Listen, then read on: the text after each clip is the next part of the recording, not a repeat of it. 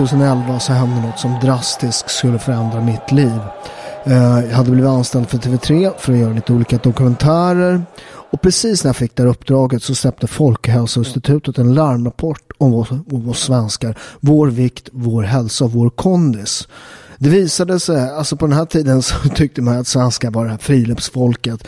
Eh, vi var ute på tur, eller kanske norrmännen som är ute på tur, men vi var ute mycket i naturen, vi idrottade.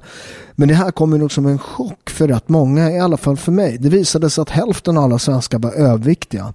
Och ännu värre var det så att svensken har otroligt dålig eh, kondition. Det är ett av världens mest stillasittande folk. Eh, Karolinska institutet gjorde en, en test eh, där de hängde på eh, 1900 svenskar en, sån puls, en pulsmätare för att kolla hur liksom, man rörde sig. Och det visade sig att bara 1% av oss svenskar fick upp pulsen mer än en halvtimme om dagen en procent. Det här är superallvarligt eh, och jag förstod redan då att det här kommer få stora konsekvenser för liksom samhällsekonomin men framförallt för, för liksom eh, folks liv och hälsa. För det är något, något av det absolut farligaste man kan göra. Jag vet att det finns många som säger bara du tränar, alltså, det stämmer inte. Utan övervikt är en oberoende riskfaktor. Punkt. Så är det. Så att det, det, är precis som att röka. Röka är något farligare. Men, det, men övervikten håller på att passera rökningen som det största hotet mot den svenska folkhälsan. Eh, så jag bestämde mig för att göra liksom en dokumentär om det där. Eh, och ville ju naturligtvis göra go hands-on. Eh, jag hade precis läst om en kille i Amerika som heter Michael Spurlock. Han hade börjat göra ett experiment när han åt skräpmat eh, på McDonalds. Så jag gjorde samma fast jag hade, eh, eller jag snodde det bara rakt av. Picasso sa amatörer lånar, lånar konstnärer snor. Så jag tog den konstnärliga inställningen. Jag snodde det bara rakt av. Fast jag hade en liten annan approach.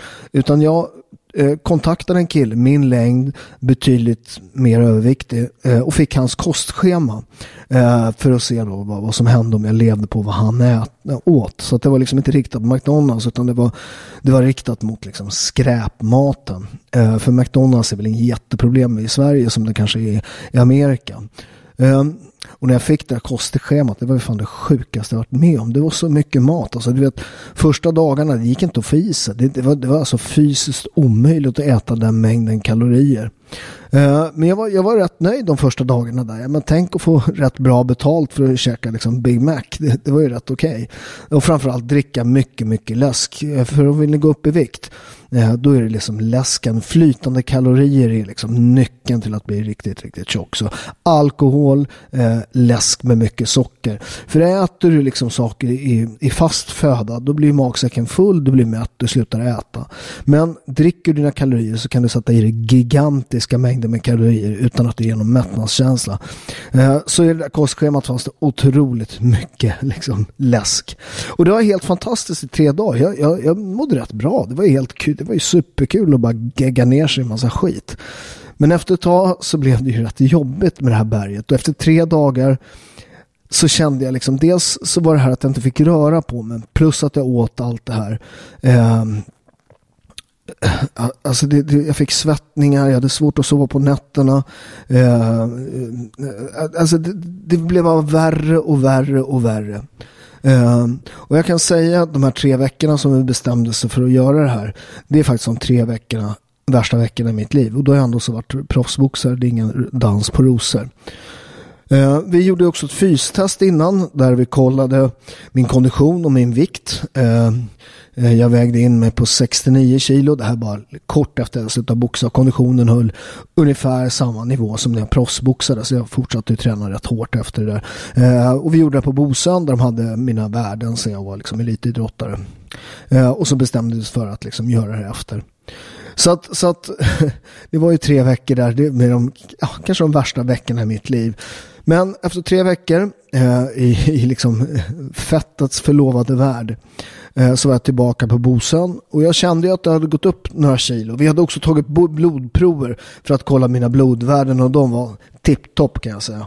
Eh, Eh, jag var ju betydligt yngre än vad jag är idag och väldigt, väldigt vältränad. Jag är fortfarande hyfsat tränad men då här var precis efter jag lagt av och boxade. Man hade liksom träning som jobb. Så tre veckor senare återträff på Bosön. Eh, jag hoppade upp på löpbandet för att se vad som hade hänt med konditionen. Eh, jag orkade typ springa i tre minuter, sen höll jag på att kräkas ut i mina lungor. Konditionen hade på tre veckor gått från elitidrottsman i världsklass till soffpotatis, medelsvensson, under medelsvensson. Min vikt hade gått från 69 kilo till 84 plus 86 kilo plus 16 kilo på tre veckor. Vet, jag såg ut som en gräddballong. Jag hade gått från att ha liksom rutor på magen till att ha tvättmaskin och torktumlare liksom på magen. Det, det var som en, som en jävla gräddballong till slut. Och det var ju naturligtvis inte jätteroligt men det riktigt, riktigt läskiga det var blodvärdena. Ni kommer ihåg dem jag skröt om. Insulinet i blodet det är hormonet som talar om för kroppen att ta hand om sockret. Det hade gått upp med 2000 procent. De, de trodde inte det var möjligt, de var tvungna att ta om det. 2000 procent, det var liksom skillnaden på min, eh, min kost innan det här och den här killens kost som jag hade fått kostschemat för. Sen, sen finns det forskning som tyder på att det där, det, det, kroppen vänjer sig så, det var ju antagligen en, en chock liksom att det small till ordentligt där. Eh, förfettningen av levern hade ökat med 400 procent, slitage på hjärtat hade ökat med 400 procent. Så, så, att riktigt, riktigt allvarligt. Läkaren sa till mig, alltså Paolo, du måste sluta med det här för det här kan få allvarliga konsekvenser eh, för, din, eh, för din hälsa. Eh, men det var den klar den här dokumentären. Tre dagar senare gick den på TV3. Eh, och det var min första dokumentär efter att jag slutade boxa. Det var liksom mitt nya liv och allt sånt där.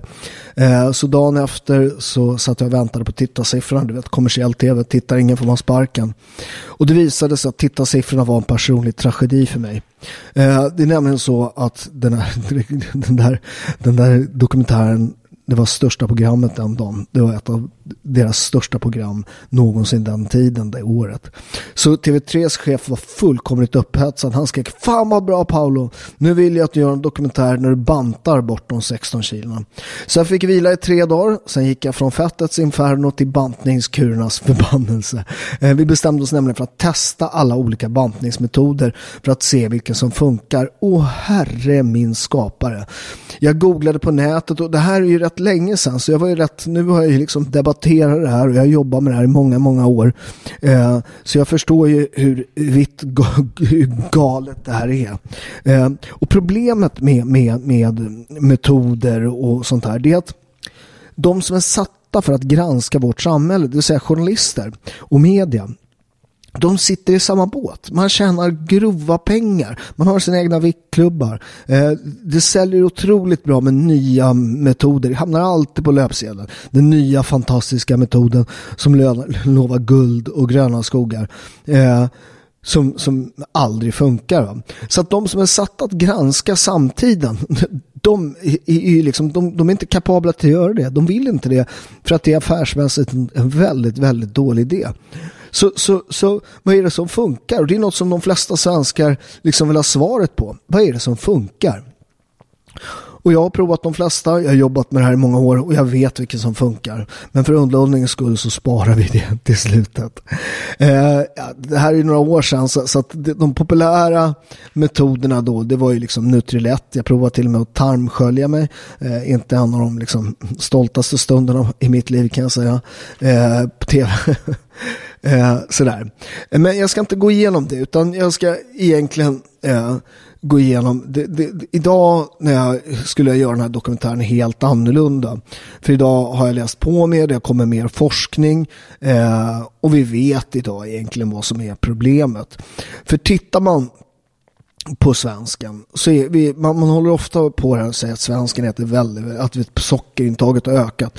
Det ökade nog enormt eh, fram till ja, 2017 tror jag om jag minns det rätt. Sen har det minskat rätt drastiskt när vi började eh, eh, jag såg någon undersökning med sockerintag från 1980 till idag. Sen har det minskat så det är lite mer än 1980 men det är liksom inte den, den drastiska eh, skillnaden som folk vill göra gällande. Så sockret är inte problemet. Utan vad man, om man tittar så är det dels att svensken är otroligt stillasittande och dels så äter vi otroligt mycket färdigmat. Eh, jag tror att vi är två i Europa eh, att äta mycket färdigmat. Så att problemet med den typen av mat eh, det är att, det är att så här, om, om du tänker så här, om du dricker grädde det är inte jättegott. Eh, om du bara äter socker, det är inte heller jättegott. Men vispar upp grädden, blandar i socker, helt plötsligt är det jättesvårt att äta. Och det är det vad livsmedelsindustrin sysslar med. De, liksom, alltså det här är kemi. De, de vet exakt hur de ska kunna stimulera alla dina eh, smaksensorer för att få dig att äta mera. Om du tittar på en sån, sak som till exempel sourcream-chips. Eh, man köper alltid en sån där och så tänker man så här på fredagen då. Så, så, så, bara den grejen. När jag var liten då åt man lördagsgodis. Eh, vad hände med fredagsmys? Förstår du den reklamfirman? när liksom vad kan det ha varit Fatser eller vilka är det som gör eh, ja, de som gör chips som kommer upp och så här. Hur ska vi få svenskarna att äta lördagsgodis? På fredagen, hur gör vi det? Ja, ah, det låter som en, en svår som, som en svår och sen bara fredagsmys Alltså det måste vara en, en av de mest framgångsrika reklamfilmerna någonsin. Ungarna går ju för fan runt och sjunger den där i, liksom, i, i, i, i butikerna. Och tittar man på One size fits all seemed like a good idea for clothes. Nice dress. Uh, it's a t-shirt. Until you tried it on. Same goes for your healthcare. That's why United Healthcare offers a variety of flexible, budget friendly coverage for medical, vision, dental, and more. So, whether you're between jobs, coming off a parent's plan, or even missed open enrollment, you can find the plan that fits you best. Find out more about United Healthcare coverage at uh1.com. That's uh1.com. Many of us have those stubborn pounds that seem impossible to lose, no matter how good we eat or how hard we work out. My solution is PlushCare PlushCare is a leading telehealth provider with doctors who are there for you day and night to partner with you in your weight loss journey. They can prescribe FDA-approved weight loss medications like Wagovi and Zepbound for those who qualify. Plus, they accept most insurance plans. To get started, visit plushcare.com slash weight loss. That's plushcare.com slash weight loss. Wow! Nice! Yeah! What you're hearing are the sounds of people everywhere putting on Bombas socks, underwear, and t-shirts made from absurdly soft materials that feel like plush clouds. Yeah, that plush. And the best part? For every item you purchase, Bombas donates another to someone facing homelessness. Bombas. Big comfort for everyone. Go to bombas.com slash ACAST and use code ACAST for 20% off your first purchase. That's bombas.com slash ACAST. Code ACAST. Sak, så, sån sak som, som sour cream chips. Vad smakar de? Jo, de är söta, de är salta, de är sura, de är beska. De stimulerar varenda smaksensor i din hjärna och det är därför de är otroligt svåra att sluta äta. Man köper alltid den där förpackningen på fredagen och säger så här, men vi käkar hälften idag och så här, käkar vi hälften på lördag, eller hur? Det är inte ett chips kvar. Man, man slickar ju till och med insidan på den där, den där påsen. Allt har blivit gigantiskt också. Alltså när, jag när jag var liten, jag menar, alltså de här eh, godispåsarna, det var ju två små vita papper de hade klistrat ihop. Alltså, alltså, stora som handen ungefär. Det måste för övrigt ha varit världens sämsta jobb. Eh, godistanten i Rumbytorg i Upplands Väsby där jag uppväxt. Eh, det var på riktigt en tant med sån här vit rock. Eh, och så hade hon pincett och sen så så, så fick man alla godis för en krona då eller vad fan det var. Och så sa man ah, tre salta, fyra söta, en besk och en bomb. Så bara, hur mycket är kvar? Hon bara, du har tio öre. Att ta bort en bäsk, ta hit två. Du vet, så här, hon, hon ville skjuta sig den jävla tanten på slutet där. Eh, så det måste ha varit världens sämsta. Men tänk vad som har hänt med godispåsarna idag. De är för fan fyrkantiga i botten. Ja, men du får ju fan i tre kilo jävla smågodis. Det är lite skillnad på lördagsgodis 1975 och idag. Det, det, är liksom, det handlar om kilo skillnad va. Så att vi äter mer, eh, vi äter mer smågodis, vi äter mest smågodis på jorden. Eh, och, och, vi rör inte på oss. Det är en väldigt, väldigt dålig mix eh, för att liksom, eller det är en väldigt bra mix för att skapa en ohälsa eh, som är alltså eh, riktigt, riktigt farlig. Och det här kommer kosta både liksom pengar och det kommer kosta lidande för folk mår dåligt av det här. Och i då kölvattnet kring det här med den kraftiga övervikten så vill ju folk bli av med det. Eh, och, och, och, då dyker det upp bantningsmetoder Eh, och alla lovar guld och gröna skogar. Jag har varit med så länge så att jag till och med kommer ihåg eh, pastabantning. Det gjorde man på 80-talet. Eh, och, och, just så var det liksom LCHF nu är det keto, nu är, alltså det, det, det är eh, periodisk fasta, det är tarmbakterier.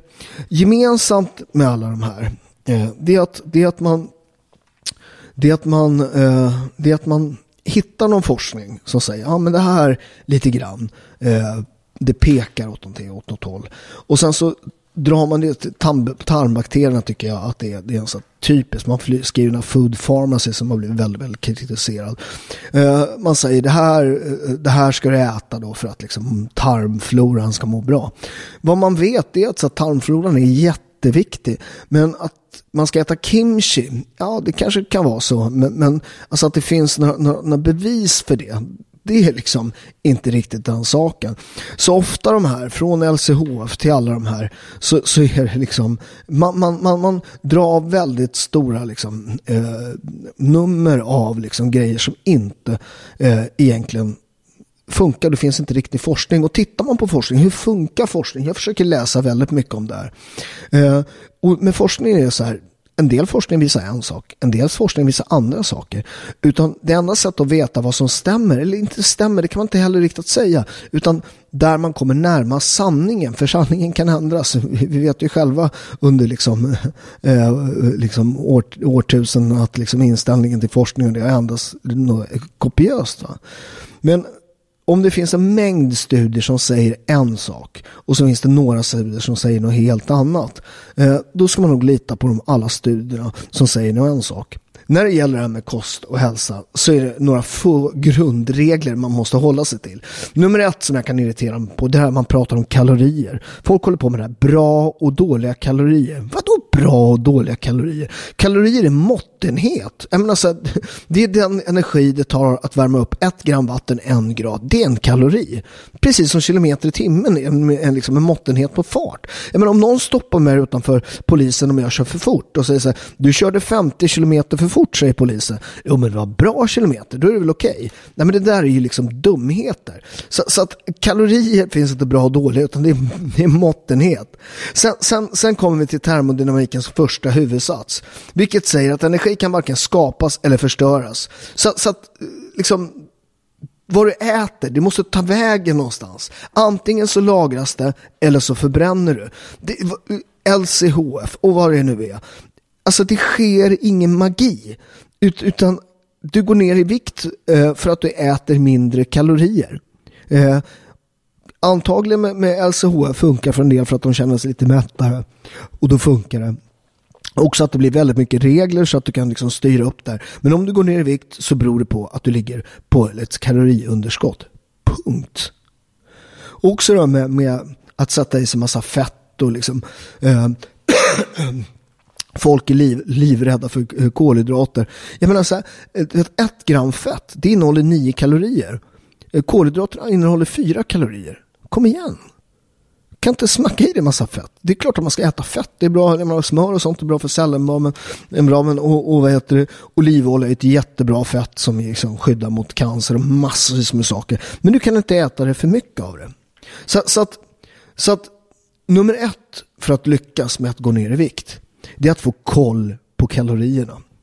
Eh, och folk säger så här, jag har ju mina kunder, alla som lyckas. Eh, för jag vet exakt, folk säger så här, vad har du ätit? Nej men jag har minskat ner, så här, men jag går inte ner i vikt. Hiring for your small business? If you're not looking for professionals on LinkedIn, you're looking in the wrong place. That's like looking for your car keys in a fish tank. LinkedIn helps you hire professionals you can't find anywhere else, even those who aren't actively searching for a new job but might be open to the perfect role. In a given month, over 70% of LinkedIn users don't even visit other leading job sites. So start looking in the right place. With LinkedIn, you can hire professionals like a professional. Post your free job on linkedin.com slash people today.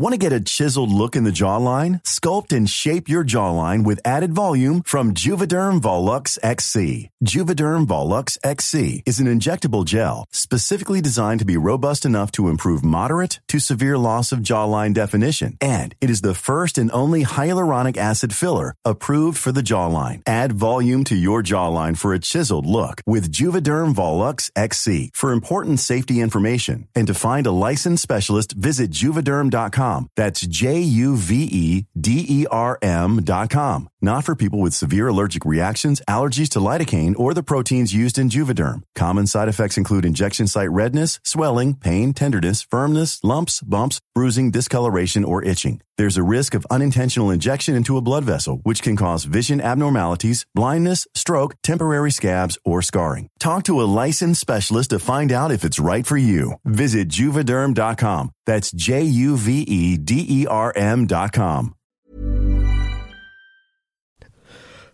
Du har inte minskat. Sluta gissa för fan. Ladda ner någon av de här apparna. Det finns jättebra appar som du kan lägga i exakt vad det är och så får du reda på eh, vad saker och ting innehåller. Och jag lovar dig att du kommer få en chock eh, när du förstår skillnaden i olika, kalori, olika kaloriintag med olika grejer. Så att, så att få koll på kalorierna, det är nummer ett. Eh, Nummer två, det är naturligtvis att röra på sig. Alla bara säger abs are made in the kitchen. Men, men så här, rö, rörelse är också en otroligt viktig grej. Dels för att du bränner lite kalorier, men det, det är riktigt, riktigt viktiga är något som inte folk pratar om. Det viktiga är att du lägger på dig muskler. Så är det. För att muskler i vilande eh, form, det bränner energi. Alltså så, så att, att, lägga på sig muskler är något av det viktigaste man kan göra för att liksom hålla, hålla, hålla vikten. Och det där är rätt, rätt problematiskt. Jag ser mycket av mina tjejkunder som har misslyckats och en del killkunder också, det är inte bara tjejer, som har misslyckats. De håller på att löpträna, de drar ner på kosten och enormt. Och vad händer då? Jo, man bränner muskler eh, och, och, och ja, fett också och sådär. Men man blir väldigt, väldigt smal. Problemet med det är att när du har alltså din, din, din, din, din vilopuls, alltså den puls du behöver för att hålla igång du vet, eh, inre organen, musklerna, den går ner rätt ordentligt. Så för mig som är rätt muskulös, jag bränner otroligt mycket mer energi när jag sitter i soffan än någon som är väldigt, väldigt smal. Eh, eller ha mycket fett och inga, inga muskler. Eh, så att en av de viktigaste grejerna för att hålla vikten, det är att ha muskler. Och muskler är rent problematiskt. Eh, för att varje år efter du är 40 så förlorar 1% muskelmassa per år. Och det där är, dels är det allvarligt för, för att, liksom, att ha förbränningen igång, men sen är det också viktigt för den vanligaste orsaken till att man hamnar på sjukhus som pensionär är fallskador. Så att behålla muskler upp i ålderdomen är en av de absolut viktigaste grejerna man kan göra för att leva länge. För grejen är, ramlar du, slår du, hamnar på sjukhus så kan du inte gå. Då geggar din hjärna ihop, så är det. Eh, du slutar, för att något av det mest stimulerande, eller det mest stimulerande, det mest som sätter igång med hjärnan mer än någonting annat är träning. Du kan läsa, läsa hur mycket jävla sudoku du vill. Du kommer inte komma i närheten av hjärnaktivitet. Eh, och, och liksom, om du tittar på en datortomografi på någon som löser sudoku och någon som tränar så är lite smågrejer tända i, i hjärnan på någon som eh, eh, som håller på med sudoku. sudoku. Medan någon som tränar är allt påslaget. Superaktivt. Så, så, så, så att, eh, så att se till att behålla muskler, se till att styrketräna. Och också mycket folk säger, jag vill inte se ut som en bodybuilder. Ja, eller hur? Alltså, jag har ju kompisar som har tränat. Alltså, du kommer inte se ut som en bodybuilder. Alltså, det här är folk som har tränat 20, 10 år. Stenhårt på gymmet. De har, de har pressat sig till max. De har, de har gjort biceps curls så de nästan svimmar av. Titta på Arnold Schwarzenegger till exempel. Som folk säger, ja, han käkar bara en massa steroider. Mm, titta hur han tränade. Steroiderna gjorde att han kunde träna mer. Men, men, men jävlar vad han pressade sig själv. Så grejen är, du kommer inte komma i närheten av den kroppen. Eh, för att dels så kommer du inte träna lika mycket. Dels kommer du inte ha den mentala styrkan att pressa dig lika hårt som de här. Eh, och du behöver inte heller. Utan, utan du behöver pressa lite grann för att få muskler. Och det kommer göra att du får en mer atletisk kropp. Du kommer få mer muskler. Det gör att du bränner mer fett. Det gör att när du blir äldre att du inte kommer ramla. Eh, och vilket gör till sin tur att du kommer kunna leva längre. Eh, otroligt viktig liksom, grej att hålla, hålla, hålla musklerna kvar på kroppen. Alla säger det här, eh, jag har ju nämnt det tidigare, abs are made in the kitchen. Eh, det där är skitsnack. Eh, det är klart att kost är en otroligt viktig del i, i att hålla formen. Men för att, att kunna äta mindre så måste du förstå varför du äter för mycket. För mina kunder som lyckas med det här så är det så här. Man, det, det är lite, alltså egentligen lite psykologiskt grävarbete. Eh, vad är det som gör att du behöver äta en bulle liksom vid den här tiden? Och, och vad är det som gör? För att mat är så otroligt kopplad till tröst, eh, till stress, eh, till kärlek, eh, massvis med positiva saker, men också för att döva ångest, stress och allt sånt där. Eh, jag menar så här, folk som så här, när man gråter när man är liten, vad får man? Man får en bulle så man är tyst. Grejen är att du kommer ta med det beteendet kring mat upp i ditt vuxna liv om du inte medvetliggör vad du gör. Eh, därför får man börja bygga liksom, eh, eh, alltså rutiner. För du gör, jag tror att man tar 35 000 beslut eh, per dag. De flesta är helt automatiserade, eh, över 95 procent är helt automatiserade. Du går upp på samma sida av sängen, eh, du, du äter samma saker, du plockar liksom flingorna på samma sätt, du åker samma väg till jobbet, du öppnar dörren med samma hand till jobbet, du sätter på samma, du gör, du gör exakt samma sak. Eh, och det har ju också med mat, att, att man programmerar in saker. Eh, jag kan ju känna att så här, om jag eh, äter någonting på, jag brukar ta en banan ibland när, när jag handlar om jag är hungrig. Jag, jag blir alltid sugen på en banan, för jag har programmerat mig själv för att äta en banan. Liksom. Och är man medveten om den grejen, att det är liksom, ja men det här är för att jag ofta är stressad eh, och jag kan vänta, alltså jag kan vänta. Om jag har, äh, ligger liksom, jag håller koll, alltså, jag håller koll på mina kalorier. Uh, jag äter en gång i veckan och dricker vin och allt sånt där. Sen äter jag rätt, liksom, alltså inget bantningsmat. Jag äter pasta, men jag äter måttligt av pastan. Uh, jag äter egentligen som min farfar åt, liksom. Gammal italiensk bondmat, mycket bönor, tomatsås och pasta. Bröd också. Men, men måttliga mängder. Eh, och jag, jag, är 53 bast, jag har det ute på magen. Eh, eh, och, och, kan stå på en hand liksom. Det går. Men då handlar det om att liksom sortera i huvudet. Eh, och inte falla för den kortsiktiga frestelsen. Att alltid ha det långsiktiga målet eh, framför allting annat. För det, det, här är det viktiga, att man varje gång bockar av en seger. När du står där med den där svettiga bullen liksom på OKQ8 och tänker jag är värd det här, jag har, jag har jobbat så hårt, jag är värd det här. Lyssna, du är inte värd ett jävla skit. Sluta använda mat som tröst. Sluta använda liksom mat som en tutte. Det är ett destruktivt beteende. Lägg ner bullen. Spara den. Det är klart du ska äta bulle. Men du ska inte äta den svettiga bullen på UKQ8 utan du ska äta en bulle i veckan. Och då ska du äta den på ett bageri, bageri som är välgjord. Jag brukar säga att man ska äta, man ska äta efterrätter, men man ska äta efterrätter som en stroppig fransk, fransk brud. De ska vara små och jävligt dyra. Och det ska man komma ihåg. Att gå ner i vikt, att komma i form, det är jobbigt. Alla som försöker sälja in det här liksom som något enkelt och den här magiska metoden man behöver knappt anstränga sig. De snackar skit. Eller så de ljuger. Eller så kan de trolla.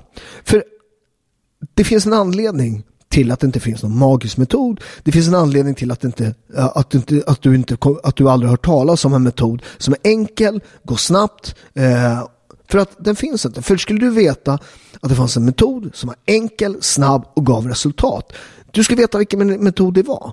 Ah, det skulle vara världens kändaste människa som hade, hade lyckats som, liksom, tillfredsställt hela Västeuropas, ja, även, även, även i, i liksom u-länderna är de idag tjocka. Va?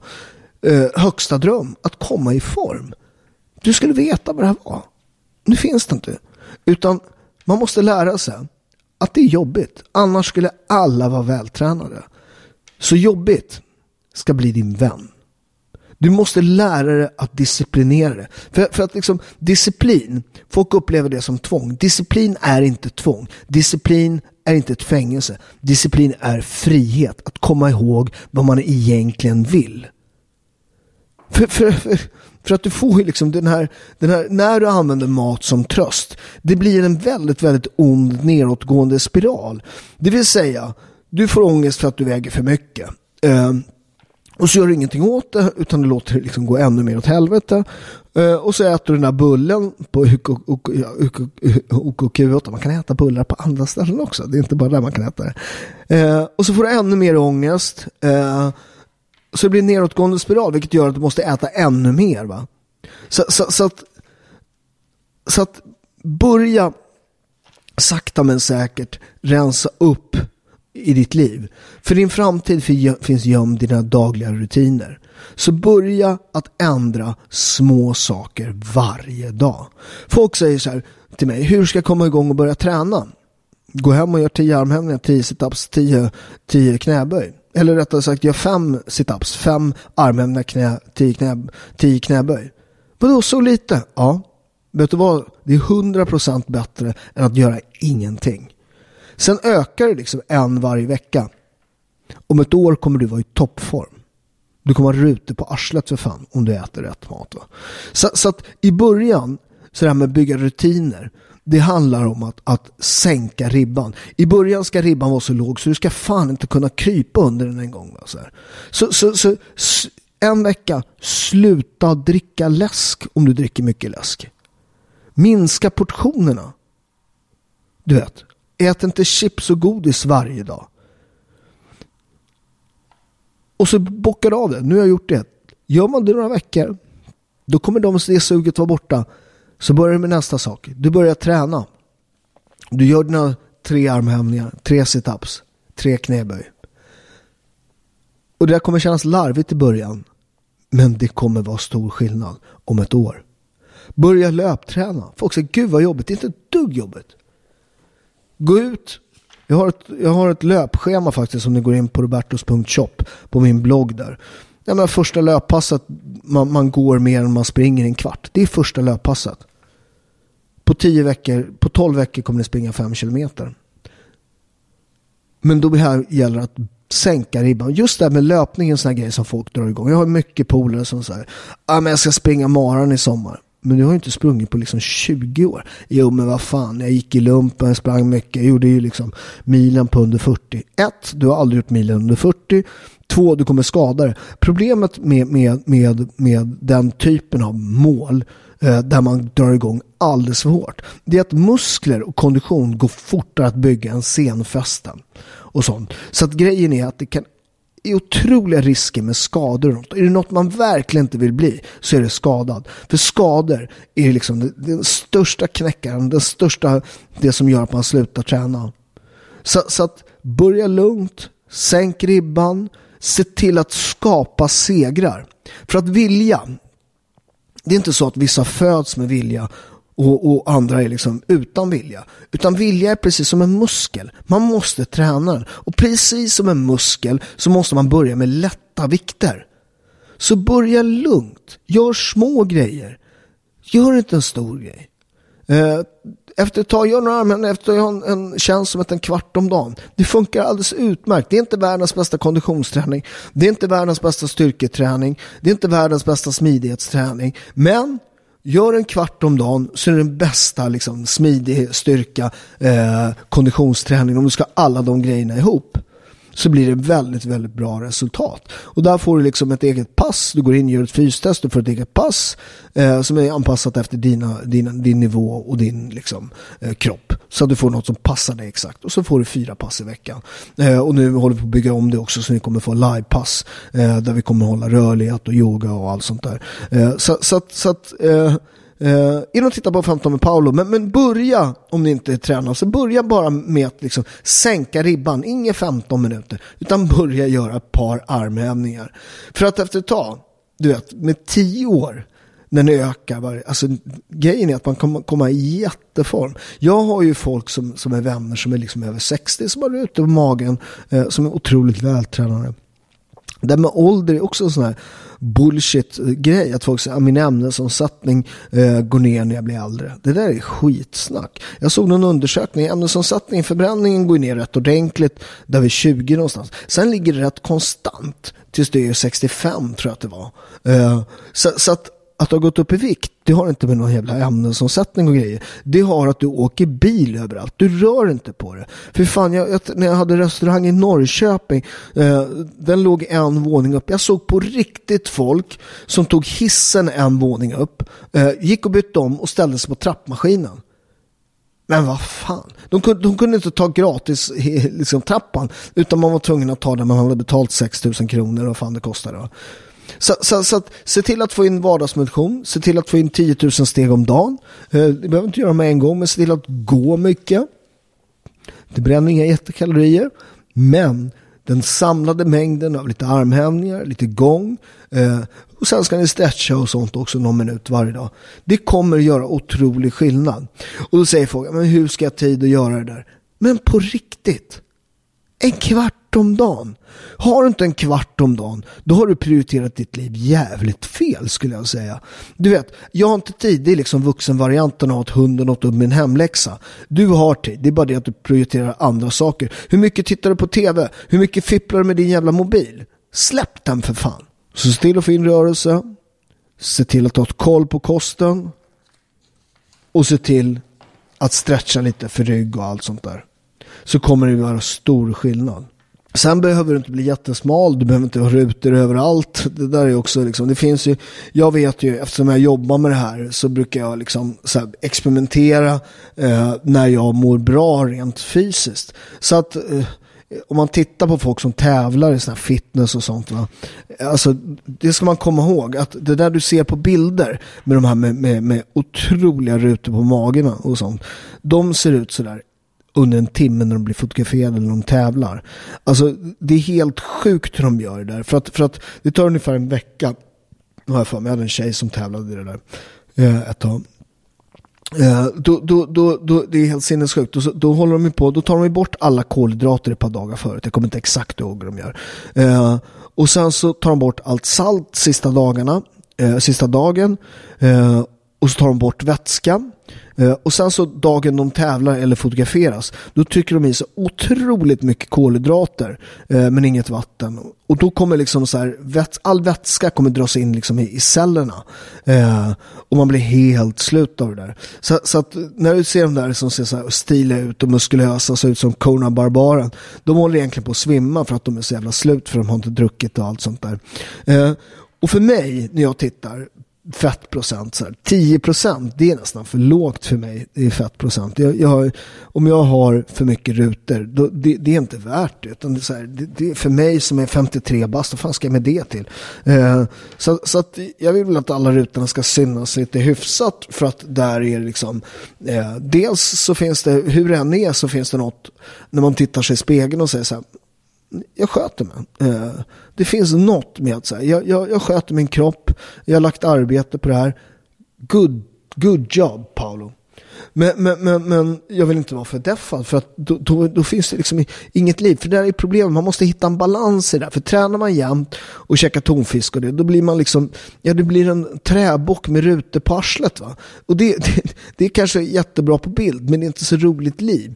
Och käkar man liksom gräddbakelse hela dagarna, då blir man liksom en, en gräddballong va. Så, så att någonstans vill man hitta eh, balansen i det där för att, för att liksom hitta rätt läge och rätt liksom balans missat träningen. Så, så jag äter frukost eh, med gröt och allt sånt där. Jag äter 100, eh, 100 gram gröt eh, och så ägg till det. Liksom. Jag äter otroligt mycket ägg. Så jag äter pasta till lunch eh, och eh, eh, eh pasta på kvällen, protein också. Eh, och sen äta ett kvällsmål innan jag går och lägger mig. Åh, nej, kvällsmål. Eh, det, det, det, kommer liksom sätta sig på magen. Det där är bara skitsnack. Det är mängden kalorier. Det är skitbra att få i sig lite proteiner innan man går och lägger sig. För att du är liksom, om man tränar mycket så är du utan liksom energi på natten. Och då är det bra att trycka i lite, lite, lite eh, energi så du kan bygga muskler. Så att det är också viktigt eh, när det gäller det här med om vi är inne på sömn. För det finns massvis med saker som gör att du äter, förutom det här med tröst och det. Stress, dålig sömn, allt det där är minst lika viktigt som att liksom hålla koll på kalorierna. För du vet ju själv när du är trött, sliten, stressad. Då är det lätt att du käkar den där bullen. Då är det där, du är värd det här Paolo. Nej, det är du inte. Så, så, så, så, att, så att se till att få din sömn. Se till att inte stressa. Eh, och folk säger, hur gör man det? Se till att vara ute i tid. Alltså jag ett tag drev, drev 13 företag. Det är bara att ha en beräkning när man, när man ska liksom till, till ställen. Där tar den här tiden. Eh, då åker jag liksom en halvtimme innan. Och, sen så, eh, och då får man planera efter det. Får, får jag inte plats med andra saker, då får de, det är inte värt det att, att springa. Du ska också leva liksom.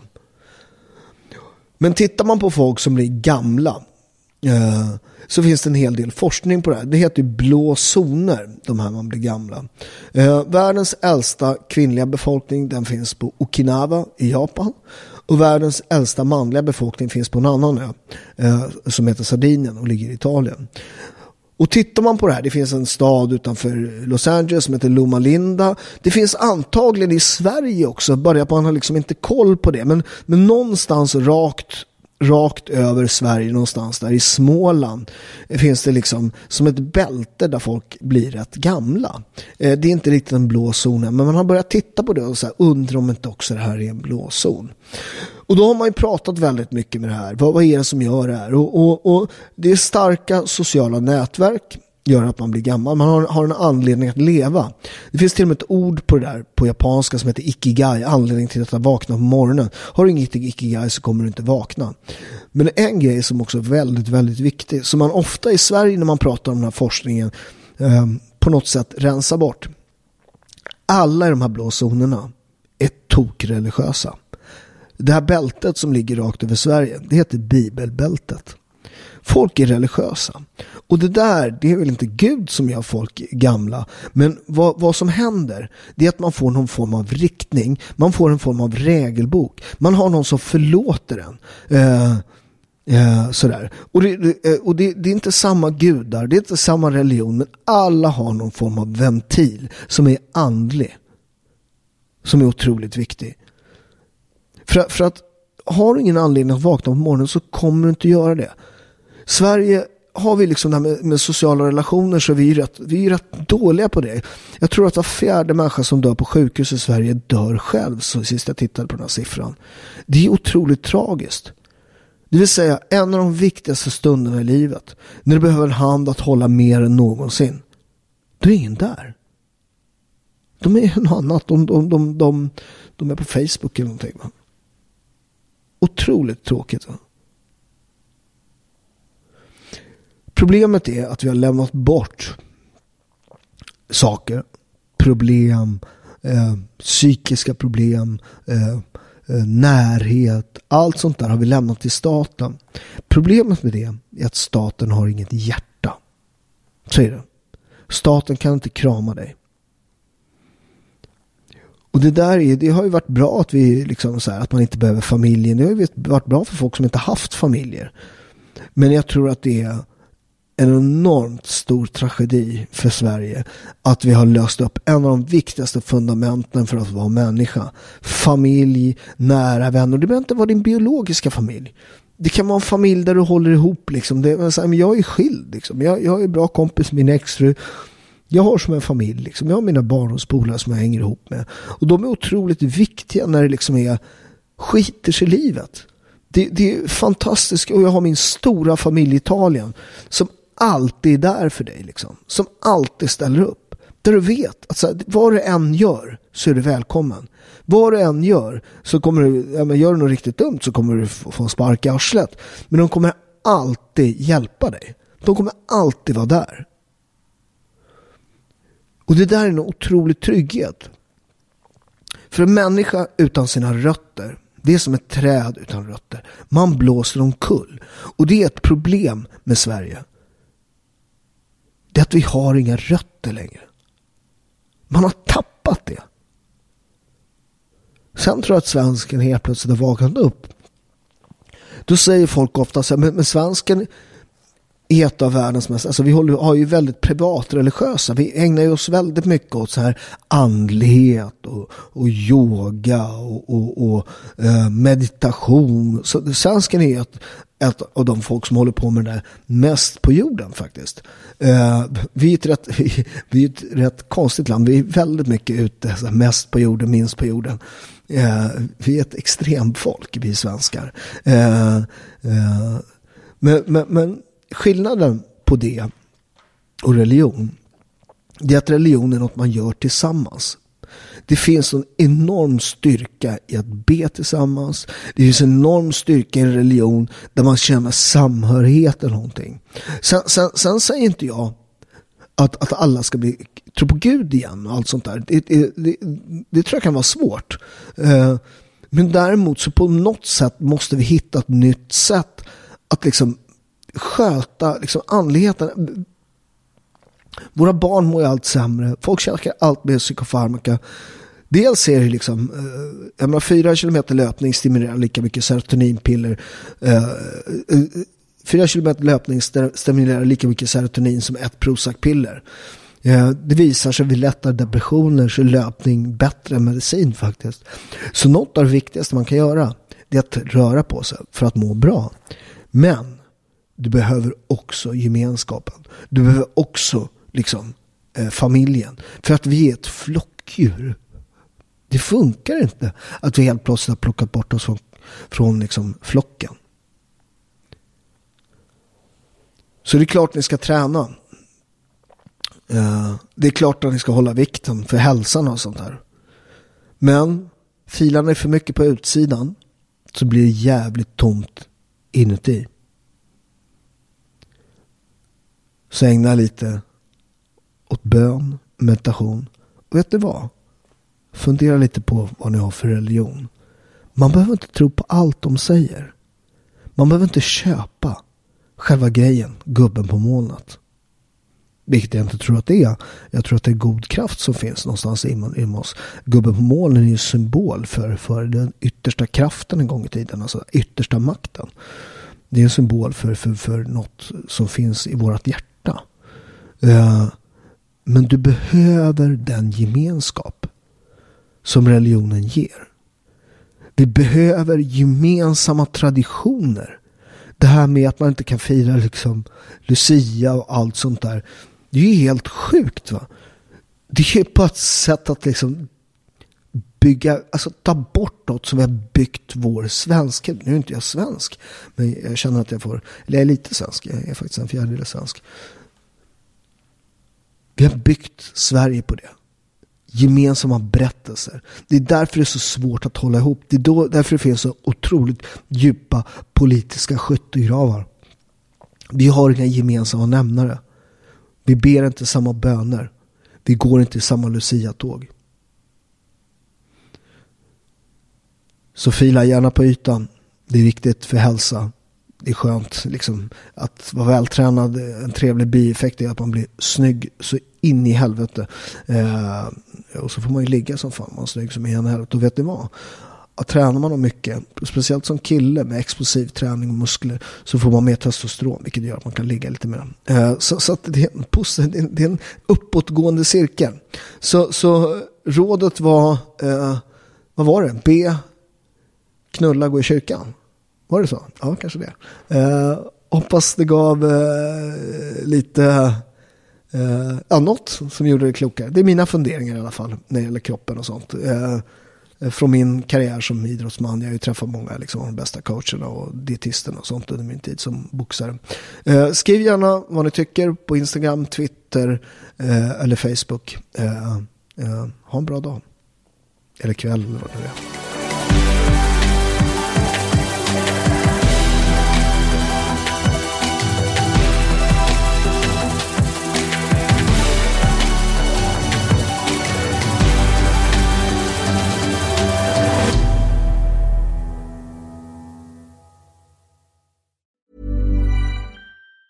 Even on a budget, quality is non-negotiable. That's why Quince is the place to score high-end essentials at 50 to 80% less than similar brands. Get your hands on buttery soft cashmere sweaters from just 60 bucks, Italian leather jackets, and so much more. And the best part about Quince, they exclusively partner with factories committed to safe, ethical, and responsible manufacturing. Elevate your style without the elevated price tag with Quince. Go to quince.com slash upgrade for free shipping and 365-day returns. How would you like to look five years younger? In a clinical study, people that had volume added with Juvederm Voluma XC in the cheeks perceived themselves as looking five years younger at six months after treatment. Look younger, feel like you. Add volume for lift and contour in the cheeks with Juvederm Voluma XC. Reverse signs of aging by adding volume to smooth laugh lines with Juvederm Volure XC. For important safety information and to find a licensed specialist, visit juvederm.com. That's J U V E D E R M.com. Not for people with severe allergic reactions, allergies to lidocaine, or the proteins used in Juvederm. Common side effects include injection site redness, swelling, pain, tenderness, firmness, lumps, bumps, bruising, discoloration, or itching. There's a risk of unintentional injection into a blood vessel, which can cause vision abnormalities, blindness, stroke, temporary scabs, or scarring. Talk to a licensed specialist to find out if it's right for you.